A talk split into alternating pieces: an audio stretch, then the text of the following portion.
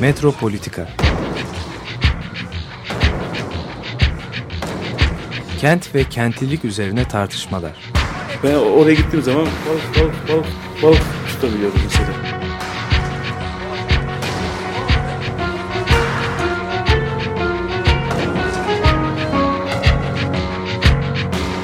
Hazırlayıp sunanlar Aysin Türkmen, Korhan Gümüş ve Murat Güvenç. Takusuyor ki. Kolay kolay boşaltamadılar. Yani elektrikçiler terk etmedi Perşembe Pazarı merkezinde. Merhabalar değerli Açık Radyo dinleyicileri. Bugün e, Metropolitika'da e, Aysim Türkmen ve Murat Güvenç seyahatleri nedeniyle ve işleri nedeniyle bulunamıyorlar. Ben Korhan Gümüş, e, konuğum Volkan Akyıldırım'la birlikteyim. Volkan hoş geldin. Hoş bulduk, merhabalar. Şimdi bugün işte iki tane konu gündemde. Birkaç tane e, şehirle ilgili temel e, şey var, tartışma konusu var. Bunlardan biri e, şimdi bu büyük projeler ne olacak seçimlerde?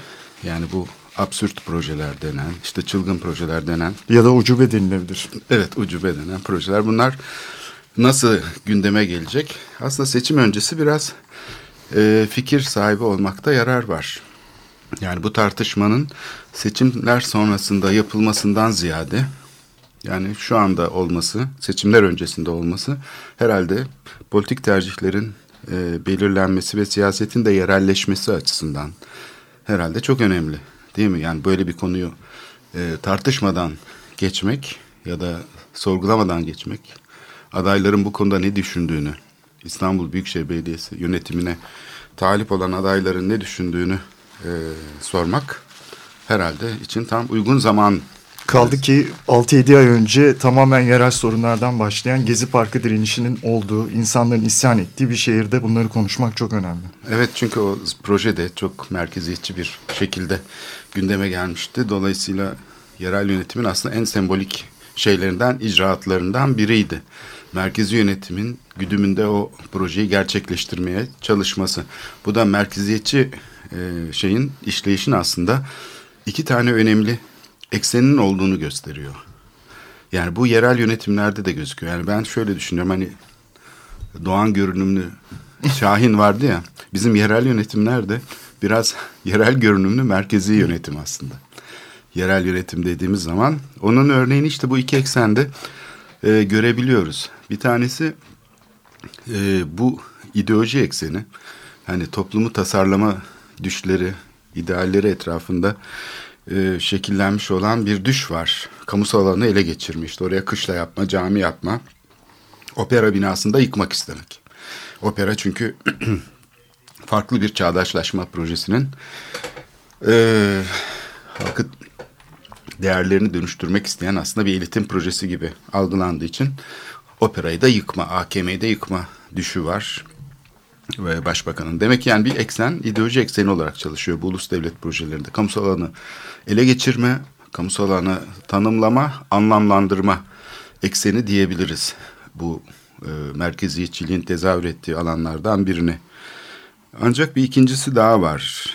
E, bu ulus devlet e, projesi olarak merkezi alanı, kamusal alanı tanımlamak aynı zamanda düşünsel alanda felç etmek demek. Çünkü bu şekilde kutsal bir bagajla tanımlamaya başlayınca yereli, mesela Atatürk Kültür Merkezi'ni biz bu açıdan tanımlamaya başladığımız zaman işte burası bir şeydir, e, çağdaşlaşma projesinin tapınağıdır. İşte ya da işte burası şeye karşıdır. Halkın değerlerini tanı, şey yapmayan, uymayan opera gibi batı kentlerinde, başkentlerinde olan bir binanın şehrin merkezine kondurulmasıdır falan gibi tanımlamaya başlayınca düşünsel alan felç oluyor. Artık o bina yıkılmalı mı, yıkılmamalı mı? Bunu tartışmaya başlıyoruz. Oysa ki başka bir alternatif mümkün. Yani değerlendirildiği zaman salon özellikleri itibarıyla İstanbul'un en e, kaliteli salonu bu yapılan araştırmalarla ortaya çıktı. E, dolayısıyla benzeri olmayan, İstanbul'da benzeri olmayan bir yapı mesela bu Atatürk Kültür Merkezi. Türkiye'de de böyle bir sahne sistemlerine sahip bir yapı yok. Dolayısıyla bu tip şeyler hep arka planda kalıyor.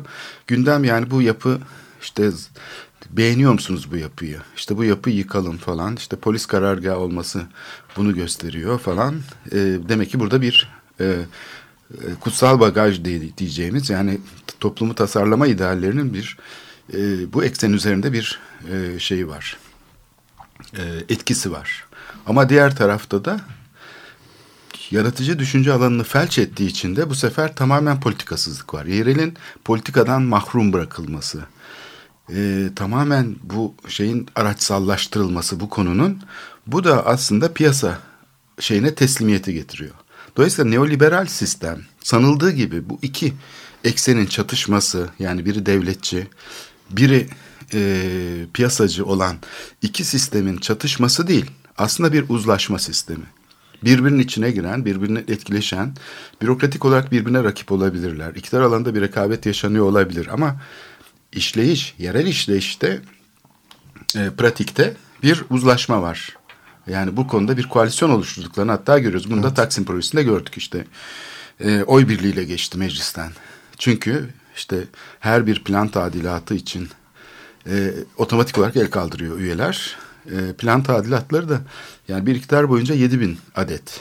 Her bir e, iktidar her bir plan tadilatında bazen 1 milyar dolar, bazen daha fazlası 3500 e, milyon dolar falan. Yani böyle akıl hafsalı almayacak diğer e, transferleri yaratabiliyor. Gelir transferleri. Dolayısıyla e, bu şeyin e, kutsal bagajın yerel politikalarını felç etmesine karşılık e, piyasaya teslimiyet de aynı orantıda güçleniyor. Dolayısıyla bu iki işleyişin birbirine karşıt olmaktan ziyade birbirini tamamladığını söylemek mümkün. Bu bence önemli bir şey çünkü alternatifi yani bir üçüncü durum olabilir mi sorusunu biz hep programda gündeme getiriyoruz. Yerel seçimler öncesinde de bunu tartışmanın e, önemli olduğunu ben düşünüyorum iktidar alanında çatışıyormuş gibi gözükseler de bütün bu e, şeyler karşıtlıklar aslında bir bakıma da aynı rejimin unsurları haline gelebiliyorlar. Neoliberal dediğimiz sistem zaten bu arkada gizlenen toplumu tasarlama düşlerini kriz yaratması yüzünden geri plana çekilen politikanın e, şey tarafından işgal edilmesine dayanıyor. Piyasa güçleri tarafından e, bu şekilde tanımlanıyor neoliberal sistemin yapısı. Bunu da tam İstanbul'da görüyoruz. Ben buradan şeye getirmek istiyorum. Bu demin konuştuğumuz e, şey projeler, ucube projeler konusuna herhalde en doğru tanım bu olacak. Burada tam bu örneği görüyoruz. Çünkü e, İstanbul'da dolaştığım zaman ben her tarafta şehrin her tarafında merkezi yönetimin afişlerini görüyorum. Şehirde ne kadar büyük boy billboard varsa yani küçük boy billboardlar artık yetmiyor. İnşaat yüzeyleri hatta bizatihi yapılan binaların yani inşaat halindeki binaların cepheleri inşaat panosu olarak bilmiyorum bunların vergisini ödüyorlar mı? Reklam vergisi denen bir şey vardır. Ee, ama genellikle imar izni veren belediye olduğu için ayrıcalıklı bir şekilde de iktidar bu alanları kullanıyor. Evet. Yani bir taraftan besleniyor bu e, şeylerden, e, inşaatlardan. Ama muhalefet içinde aslında tırnak içinde muhalefet içinde benzer bir durum var. Muhalefet de oy birliğiyle bu yılda 1500, bir iktidar döneminde 7000 adedi bulan plan tadilatını onaylıyor. Taksim projesinde onaylamaların nedeni oy birliğiyle geçti meclisten. O insanların öldüğü, e, çatışma e, yaratan, e, çok ciddi bir şekilde kentin merkezindeki işli alanı yok etmeyi hedefleyen proje plan tadilatı başlığı altında oy birliğiyle geçti meclisten ve zaten 30 yıldır da gündemdeydi. Bunu hep hatırlatıyoruz. Bu proje bütün iktidarlar döneminde e, gündeme geldi. Hatta bir ara metro projesinde finanse edecek bir alışveriş merkezi olarak önerilmişti ortasında. Taksim Meydanı'nın ortasına bir alışveriş merkezi yapılması. Biz de buna karşı mücadele vermiştik 90'lı yıllarda.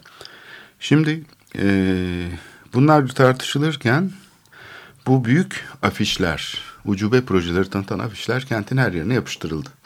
Kanal İstanbul, 3. Köprü, 3. Havalimanı, kuzeydeki işte şeyi Uydu Kent herhalde. Bir de bu tarihi yarımadayı otomobile boğacak olan araç tüneli.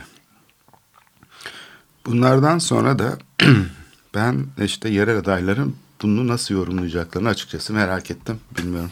Sen de merak ediyor musun? Yani bu tara her tarafa başbakan şu anda dominant bir şekilde bu ucube projeleri yapacağım diye afiş asmış. Bu bana biraz şeyi hatırlatıyor. Yani bu benzetmek gibi olmasın ama hani e, dalan e, park oteli yapacağım, gök kafesi yapacağım falan diye düşünürken hani iktidardan olmuştu.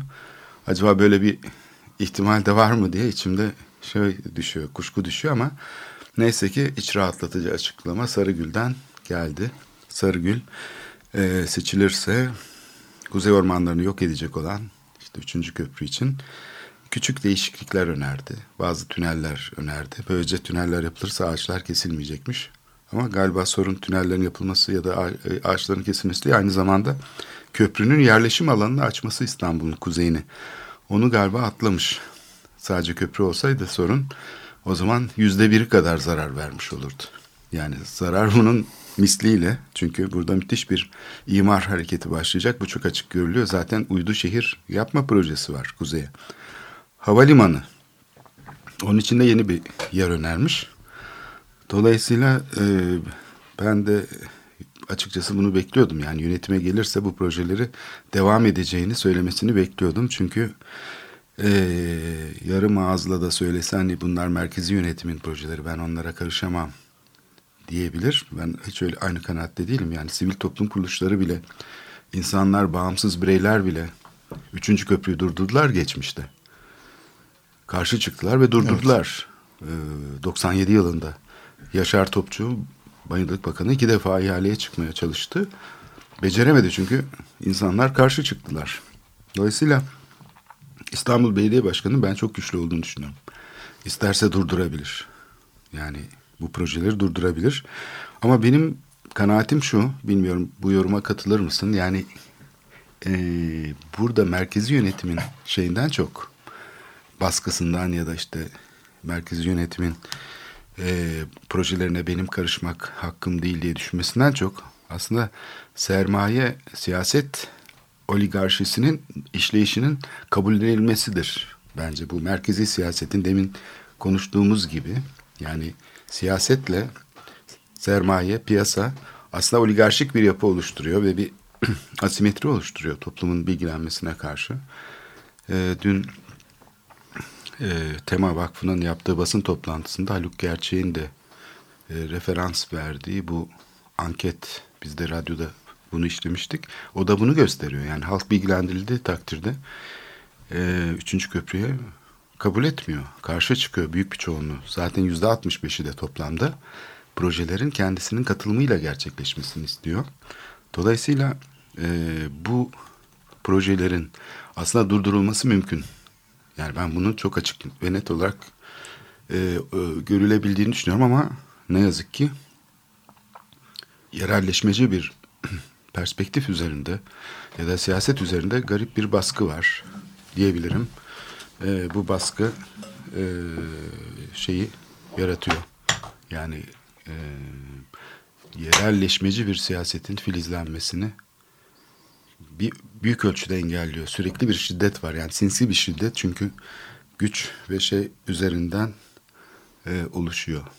Yani tamamen e, bu iktidar bloğunun sermaye ile oluşturmuş olduğu normal durum buymuş gibi anlaşılıyor. Yani bunu sorgulamadan, bu olağanüstü durumu sorgulamadan geçiriyoruz bütün siyasi seçim süreçlerini. Evet.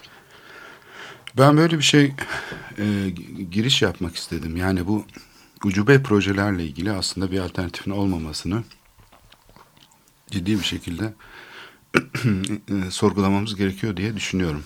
Sarıgül bütün bunlara karşı bir alternatif olarak gösteriliyordu. İnternetten bas geç diye apolitik kampanyalarla bizim Sarıgül'e oy vermemiz isteniyordu ama ucube projelerini aynen ben de yapacağım deyip ucube projelerin özü olan meseleler hakkında konuşmayıp konuşmayıp da aynı şeyi devam ettireceğini söyleyerek AKP ile Kadir Topbaş'la mevcut İBB yönetimiyle hiçbir fark olmadığını ortaya koydu. Zaten bir fark olamazdı ki e, AKP'de, CHP'de Kemal Derviş'in, Dünya Bankası yöneticisi Kemal Derviş'in neoliberal ekonomik programını uyguluyor. E, belediyelere biraz yakınsa, yakınsanız, bir işiniz düşmüşse bilirsiniz ki belediye meclislerine gidince politik parti farkı ortadan kalkar. Yani kimin AKP'li, kimin CHP'li olduğunu anlamazsınız. Çünkü aynı şeyi düşünüyorlar. Belediye yönetimi önce şirketlerle masaya oturur. Şirketlerin projelerini alır, şirketlerin projelerini uygular. Sonra bu projelerin toplum açısından, o şehirde yaşayanlar, o ilçede yaşayanlar açısından bir faydası olup olmadığını bütün bunları ölçmeden, orada yaşayanlara bunu sormadan, şehrin ihtiyaçlarını göz önüne almadan şirketin istediğini yapar. Geldiğimiz noktada e, yerel bir seçim yapıyoruz ama hem merkezi sorundan hem de bütünüyle apolitik bir seçim bu. Ve e, tamamen bir yıl önce bizim Gezi direnişinde sokağa çıktığımız, protesto ettiğimiz ki daha sonra 17 Aralık'taki operasyonları, yolsuzluk ve rüşvet operasyonuyla bizim mücadelemizin ne kadar haklı olduğu, bunun nasıl bir kangren haline dönüştüğü ortaya çıktı. E, bütün bunlara rağmen bütün bunlar konuşulmuyor ve geldiğimiz noktada işte e, Erdoğan'ı durduracak adam, AKP'yi durduracak adam diye bize sunulan kişi de dönüp bize Erdoğan ve partisiyle aynı şeyleri söylüyor.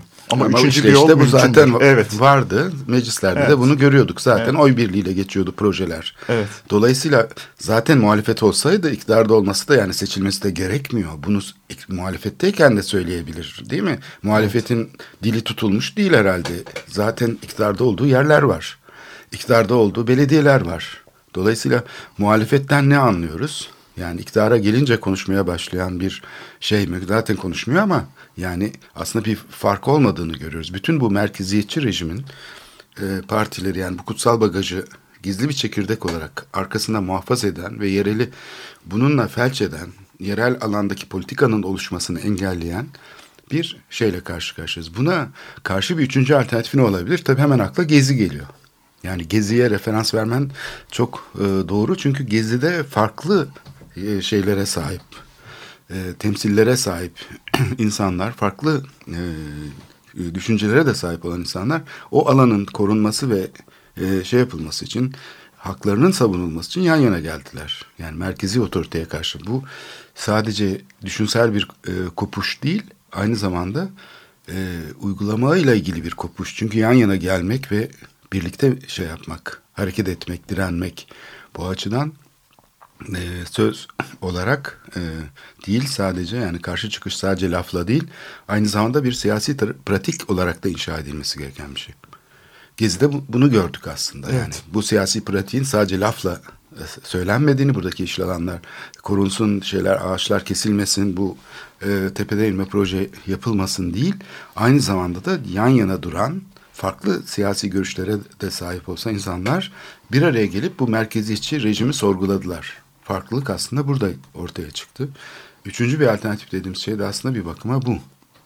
Senin gözlemlediğin e, siyasi alternatif dediğin demin böyle bir şey herhalde söyleyebiliriz. Aynen böyle. E, Gezi olduğunda Sarıgül ne demişti? E, şimdiki rakibine Kadir abi diye hitap ediyordu evet. ve onunla her zaman her yerde kankalık yapıyordu. Kadir e, Topbaş'ın afişlerinde de şu var. Onun Kadir abisi var mı? Öyle bir şey. Kadir evet, abisi var. Evet aynen ona gönderme evet. yapıyor.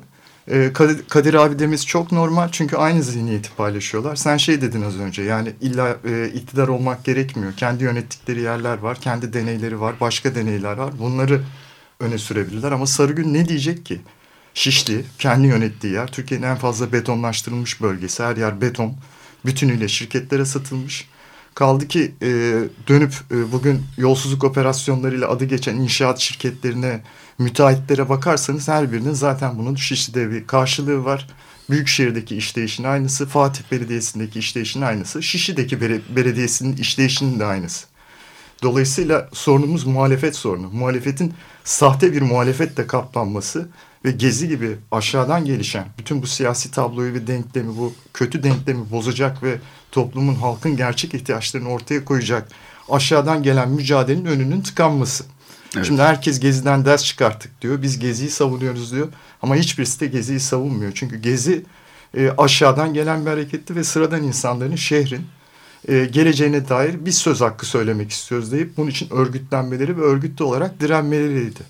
E, bugün karşımızda olan siyasetçilere bakın. E, onlar Gezi'nin adını ağzına alırlar ama onların derdi aşağısı değil. Onların derdi şirketler. Onlar şirketlerin, patronların, müteahhitlerin iki dudağından çıkacak lafa bakarlar.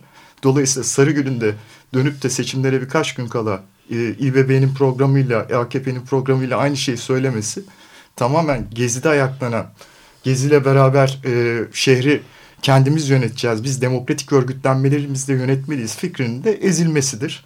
E, dolayısıyla bize e, mevcut siyasi partiler ya da düzen partileri içerisinde herhangi bir neoliberal partinin siyaseti değil, Yezdek gibi aşağıdan bir muhalefet lazım. Asıl konuşmamız gereken konu bu evet. muhalefetin nasıl örgütleneceği. Evet şimdi burada tabii e, birçok şey var, konu var. Bunlardan bir tanesi bu şirket siyaset evliliğinin yaratmış olduğu model, proje geliştirme modeli. Bu işleyişte aslında bu yapışlet devret modeliyle projeler geliştiriliyor. Böylece hani bu şeyin asılan büyük billboardlarda işte ucube projeleri tanıtırken bunların İstanbul halkına sanki böyle yukarıdan ihsan edilecekmiş gibi bir havada tanıtılıyor. Oysa ki gerçek tam tersi. Yani bunun tam tersi İstanbul halkı bir bakıma merkezi yönetime kendi değerlerini armağan ediyor.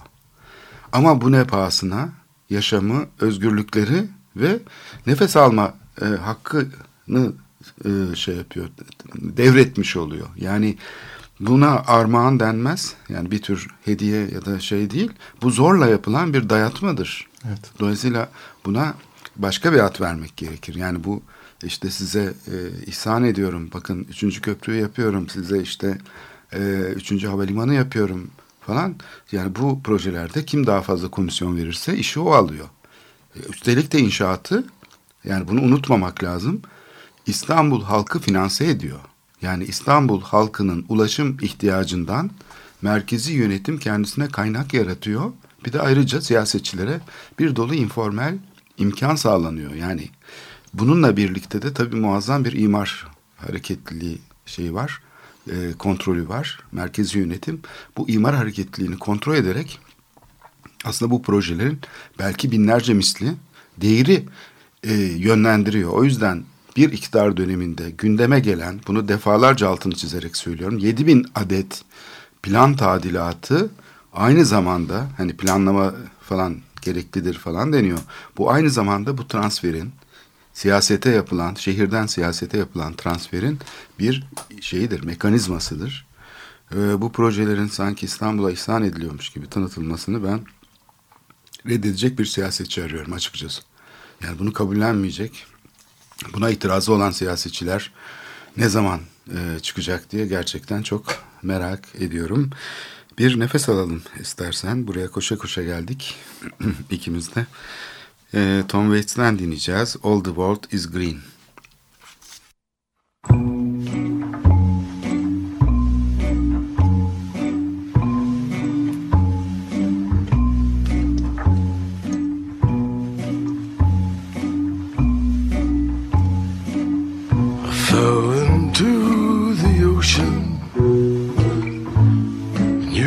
Can twisted all against the sea to have a better life.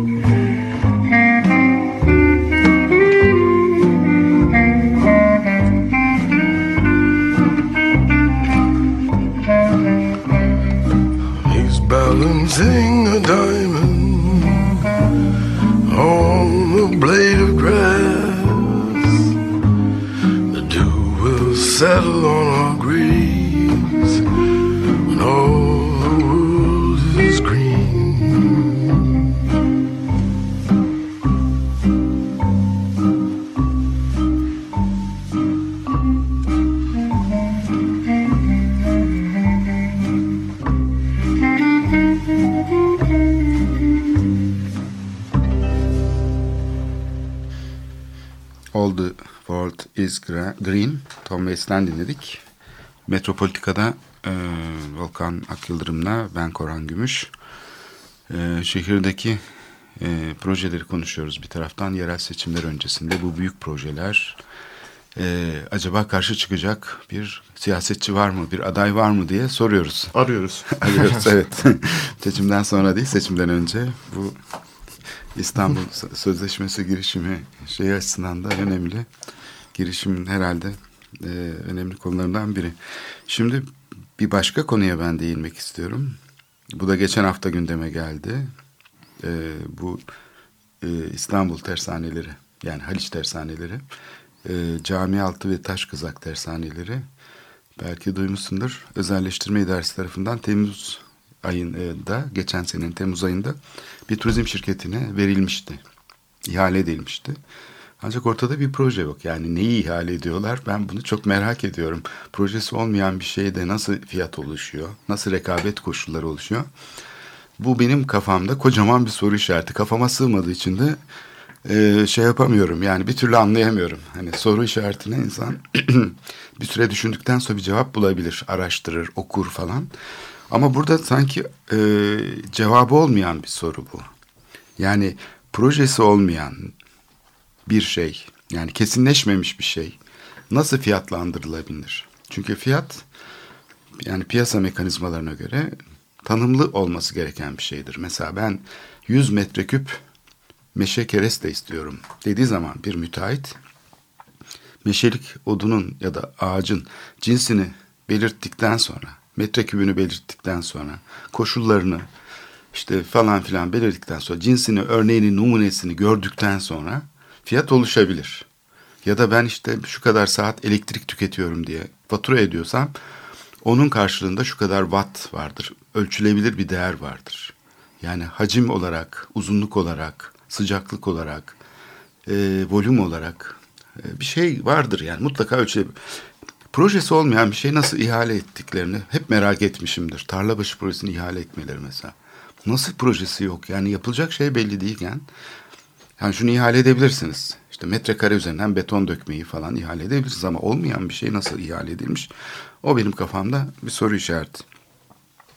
Ondan sonra bu geçen e, e, şeylerde, geçtiğimiz günlerde proje işlerini bir mimar e, arkadaşımızın üstlendiğini duyduk. e, bu Demirören binasında daha önce projesini yapmaya çalışan ama sonra devre dışı kaldığını öğrendiğimiz Hantüm Ertekin e, üstlenmiş mimari projeyi diye duyduk. Proje danışmanlığını da Mimar Sinan Üniversitesi'nden Oğuz Ceylan'ın üstlendiği duyuldu. E, bu açık olarak e, web sitelerinde e, yazıldı. E, Haliç Dayanışması da e, şeffaflık talep etti haklı olarak. Dedi ki projeyi hakkında bilgi sahibi olmak istiyoruz. Bunun üzerine cevap geldi. Gene aynı sitede Arkitera web sitesinde bunu e, görmek isteyenler Arkitera web sitesine bakabilirler. Haliç Dayanışması'nın ki Haliç Dayanışması STK'lardan, eski tersane çalışanlarından ve bilim insanlarından oluşuyor. Ee, onlar harekete geçtiler, şeffaflık çağrısı yaptılar ve şey dediler, e, bu tersanelerin bütünlüğünün Haliç'in ve dolayısıyla kente bize ait değerlerin korunması, yaşatılması konusunda söz hakkımız olduğunu düşünüyoruz dediler. Ve bu nedenle Haliç Dayanışması olarak bu uzun geçmişi olan alanın e, programının ne yapılacağının şeffaf bir şekilde geliştirilmesini istiyoruz, talep ediyoruz dediler. Buna cevap geldi. Mimar e, Hantüm Ertekin şey dedi.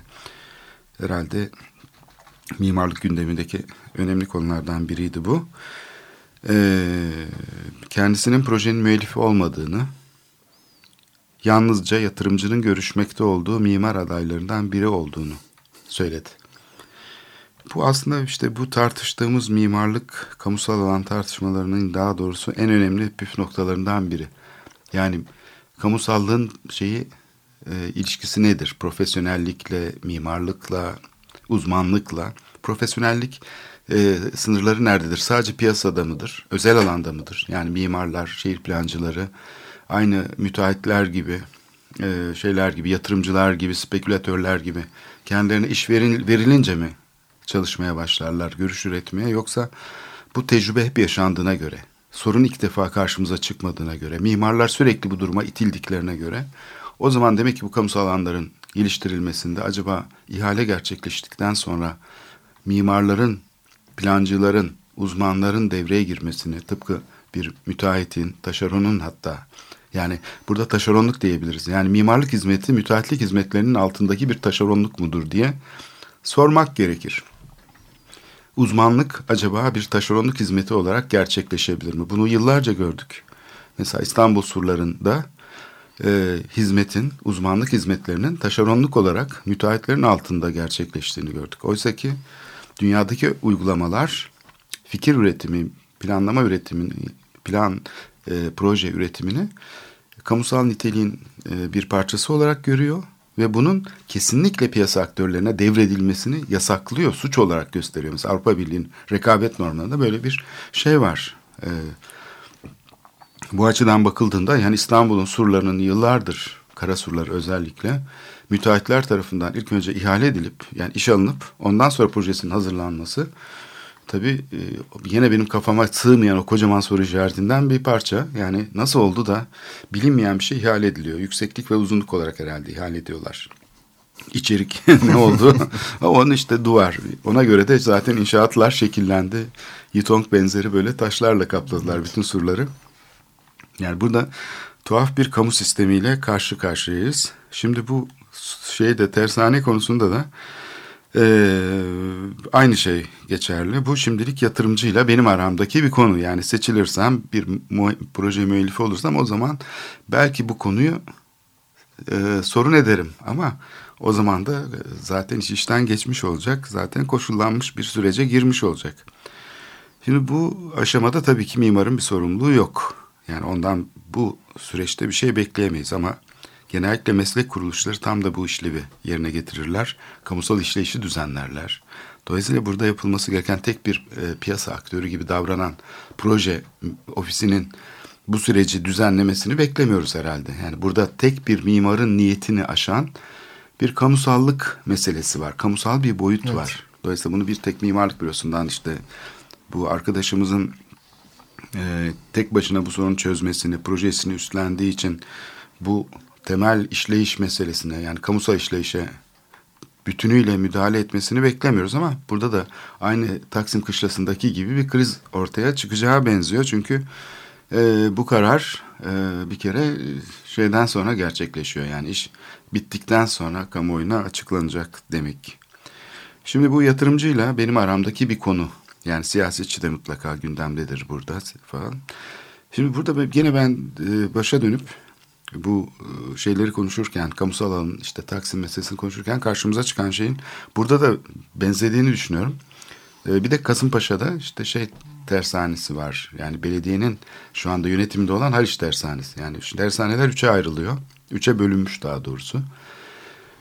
E, buradaki birinci şey hemen Unkapanı Köprüsü'nün yanındaki Haliç tersanesi aslında. Yani asıl eski tersane e, şeylerini kuru havuzlarıyla orada bulunuyor.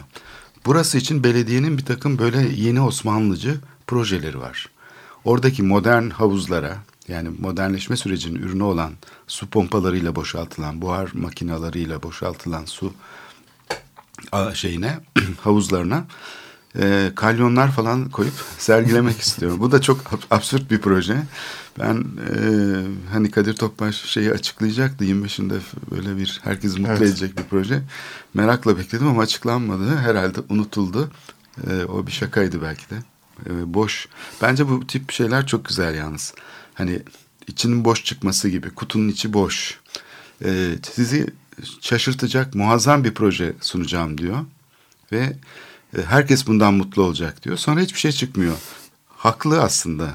Yani şu anda bizi en çok mutlu edecek proje hiçbir şey olmayan proje. Bunu bir ara sanatçılar yapmışlardı mesela. Sanat sergisi açılıyor. İşte herkes geliyor, katılıyor falan. Müthiş bir sergi diyelim. Ama salonun içi boş. Hiçbir şey yok. Hiçliğin sergisi. Bu hiçliğin politikası da bence en güzel bu şekilde temsil edilebilir. Bir hiçlikle. Dolayısıyla duymadım böyle bir proje açıklandığını. Hiçlik aslında İstanbul'u en çok mutlu edecek proje hiçlikmiş. Bu açıdan en yaratıcı fikir ödülünü Kadir Topbaş'a veriyorum. Ee, sahiden çok e, ilginç bir e, fikirdi bu. Evet bu şeyde işte tersane için böyle böyle girişimler vardı. Bir Osmanlı şeyi canlandırmak Fetih Müzesi'nde olduğu gibi yani herkesin gülüp geçeceği böyle bir tarih canlandırma şeyi falan filan. Oysa ki bu alan e, pekala İstanbul'da çok büyüyen bir deniz e, şeyi var. Gemi inşaat sektörü var. Burası için prototip geliştirme, ürün geliştirme test alanı olabilirdi.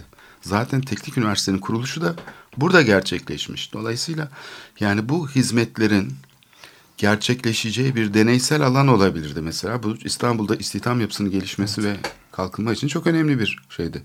Aslında bütün Haliç yıkımlarına kadar gidebiliriz. Haliç yıkımlarında da çok sayıda tersane yıkıldı ve kimsenin sesi çıkmadı. Sadece tersane değil, denizi kirletti iddia edildi. Sonra yapılan araştırmalar tersanelerin denizi kirletmediğini ortaya çıkardı. Tersaneler eğer kontrollü e, yapılırsa bütün bu imalat süreçleri, aslında bütün üretim süreçleri, kuyumculuk dahi e, çevre kirliliği yaratmayan süreçlere dönüşebilir. Bunun için tabii e, yönetimin kontrol etmesi ve e, süreci sürekli gelişmeyi düzenleyecek bir şekilde öyle tepede inme yasaklarla değil müdahale etmesi gerekiyor. Ama bunu beceremediği için bugünkü kamu sistemi tabii hep yıkımlarla e, çözmeye çalıştı bugüne kadar. Dolayısıyla tersanelerden söz ederken Haliç'teki dönüşümü atlamamak lazım. Yani 87 yılında e, şehrin gördüğü en büyük felaketlerden biriydi bu yıkım.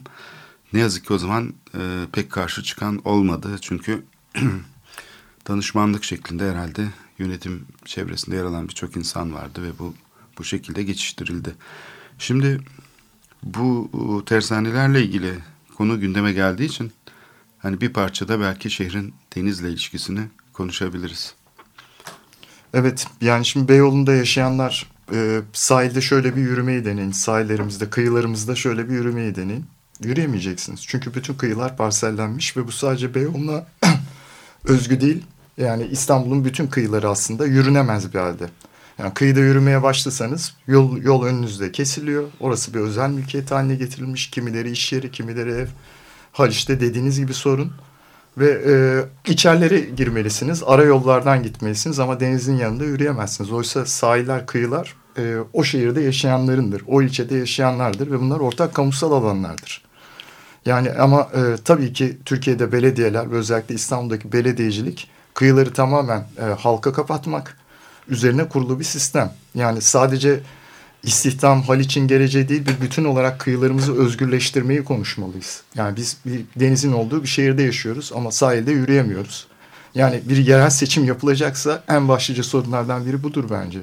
Seçimlerden önce niye konuşulamıyor peki bu konular? Ben seçimlere yaklaşırken bile konuşulmamasını çok tuhaf buluyorum. Yani belki birçok insan düşünüyordur bu sorunu. Şehrin bu şeyin kıskacı altında olması yani özelleştirme kıskacı altında. Şehirde yaşanabilecek tek dönüşüm ihtimalinin özelleştirme aracılığıyla olmasını ben bu şehri çok ciddi bir haksızlık olarak görüyorum. Yani bütün e, Beyoğlu'nun sahilleri yıllardır halka kapalı. Evet. Yani sadece bu yönetim kapamadı. Yıllardır Cumhuriyet'in başından beri yani 1930'lardan beri 34'lerde midir nedir ilk kamulaştırmaların başladığı sahilde. Ondan sonra 1958'de antrepoların yapıldığı zaman ya 58 düşünelim Menderes zamanı. O yıkımlar Menderes zamanında yapılıyor. Yani e, o kadar da hani şey değil böyle çok Evet. e, uzak bir tarih de değil. 58 yılında bütün sahil e, gümrüklü saha ilan ediliyor. Bütün İstanbul'un merkezinin bütün kıyıları ya endüstriyel alan ya da Ankara tarafından yönetilen Ankara'nın İstanbul ekonomisini denetlemek ve ondan pay almak için merkezi şeye kaynak aktarmak için kullandığı bir dış ticaret limanı olarak e, kamu eliyle dönüştürülüyor ve 1987 yılında Haliç yıkımlarıyla birlikte desantralize edilmesiyle birlikte endüstrinin ve limanın e, burası işlevsiz zaten çoktan kalmış durumda. Yani daha önceden de işlevsiz kalmış durumda. Çünkü şehrin nüfusu 10 kat artmış durumda. Dolayısıyla şehrin merkezindeki bu alanın dış ticaret limanı tarafı olarak kullanılacağı ya da Ankara'nın bir e, bürokratik kurumuna bağlı olarak yönetileceğini varsaymak herhalde bir şey olabilir, aymazlık olabilir. Peki o zaman niye sadece kamusal alan gibi görüyoruz? Bu alanların aslında kamusal niteliği yok. Kamusal bir enerji üretmiyorlar. Kamusal bir yönetimleri yok. içleri boş. Çürük elma gibi yani. Hiçbir kamusal nitelik üretmiyorlar. Ve böyle duruyorlar. Ve kimse de sesini çıkarmıyor. Ancak özelleştirilince belki bazı insanlar itiraz ediyorlar. Ya bu da olur mu gidiyor elimizden falan diye.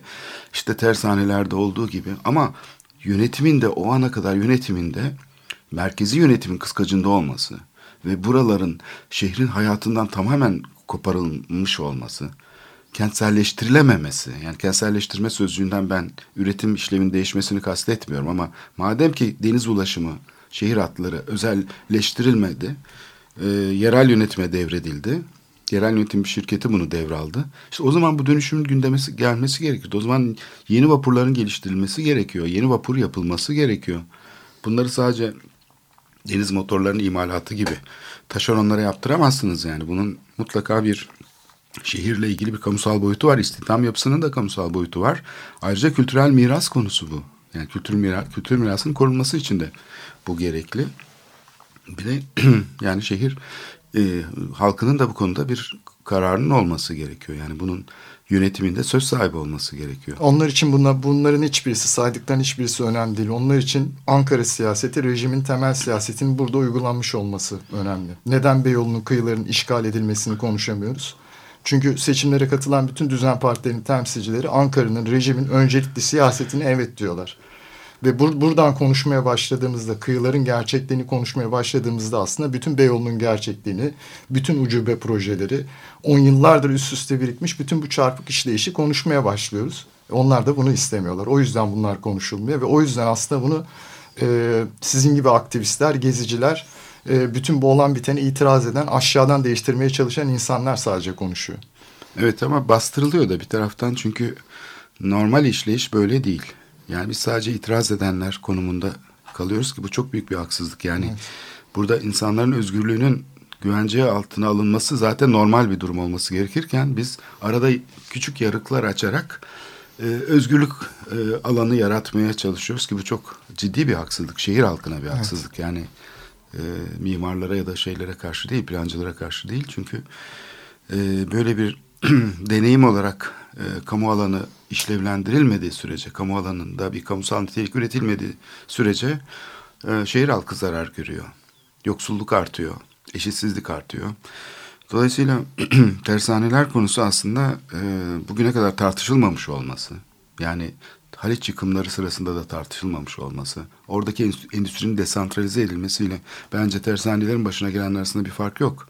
Sütlüce'deki mezbahanın başına gelen ki gıda teknolojilerin gelişmesi açısından yani şehrin tarihi açısından çok önemli bir modernleşme şeyidir. Evet, mezbahanın atık su arıtma testiyle falan şekillenmiş olması Osmanlı döneminde.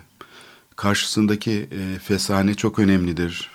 Bugün felaket kötü durumda. Yıkılması belki daha iyi olurdu yani bu halde kullanılacağını. Oradaki birçok e, sanayi yapısı, endüstri mirası yok edildi. Ama aynı zamanda ta Roma dönemine giden eserlerde e, şeyden kazındı. Bu tam bir kazıma operasyonuydu. Yani orayı tamamen kazıyarak endüstriyi desantralize etmeye e, çalıştı e, Bedrettin Dalan. Belki böyle bir benzerlik olabilir bugünkü dönemle. Gene bir kazımayla karşı karşıyayız. E, Dalan zamandaki kazıma sonucunda da e, halk aslında bir tür ders vermişti. Bilmiyoruz neler olabilir ama e, şeyin şehrin hep karşılaştığı kadar bu. Merkezi merkeziyetçi bir siyaset tarafından şehrin aslında temel konusunun sürekli askıya alınması ve insanların da sadece itiraz ederek sürece katılabilmeleri. Bunun normalleşmesi bence çok kaygı verici bir durum. Yani itirazlarla sadece bu politikaya direnmek, Gezi'de olduğu gibi, kentsel dönüşüm projelerinde olduğu gibi, tersanelerde olduğu gibi bu olağanüstü bir duruma işaret ediyor. Olağan durum aslında bunun zaten e, bu kamusallığın sorgulanması ve kamusallık alanında siyaset üretilmesi, yerel kamusal alanın siyasete açılması. O yüzden ben konuşmamın başında şey demiştim. Hani yerel görünümlü merkezi siyaset, doğan görünümlü Şahin araba gibi. E, bunun her tarafta tezahürlerini görüyoruz. Bilmiyorum bundan sonraki şey belki süreç yeni başlıyor diyebiliriz. Yani bu yerelleşme meselesi bugüne kadar e, pek tartışılamadı aslında. Hep ulusal siyaset üzerinden konuşuldu ve yerelde hep böyle bunun bir uzantısı gibi algılandı. Oysa ki bu merkezi siyaseti dönüştürecek temel bir meseleden söz ediyoruz. Kamusal niteliği üretmek için, insanların katılımını sağlamak için. Türkiye'deki durum pek iyi değil.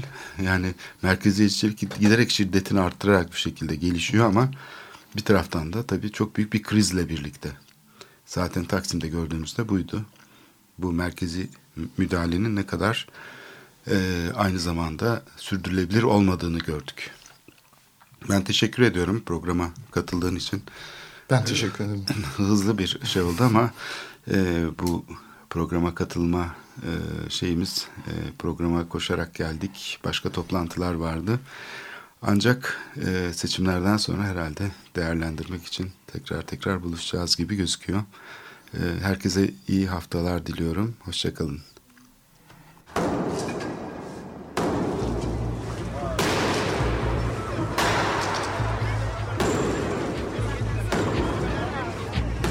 Metropolitika Kent ve kentlilik üzerine tartışmalar. Ben oraya gittiğim zaman balık balık balık balık tutabiliyordum mesela.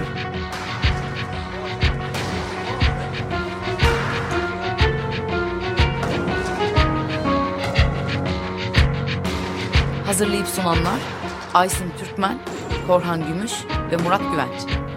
Takusu yok. Kolay kolay boşaltamadılar. Yani elektrikçiler terk etmedi Perşembe Pazarı merkezini. Açık Radyo program destekçisi olun. Bir veya daha fazla programa destek olmak için 212 alan koduyla 343 41 41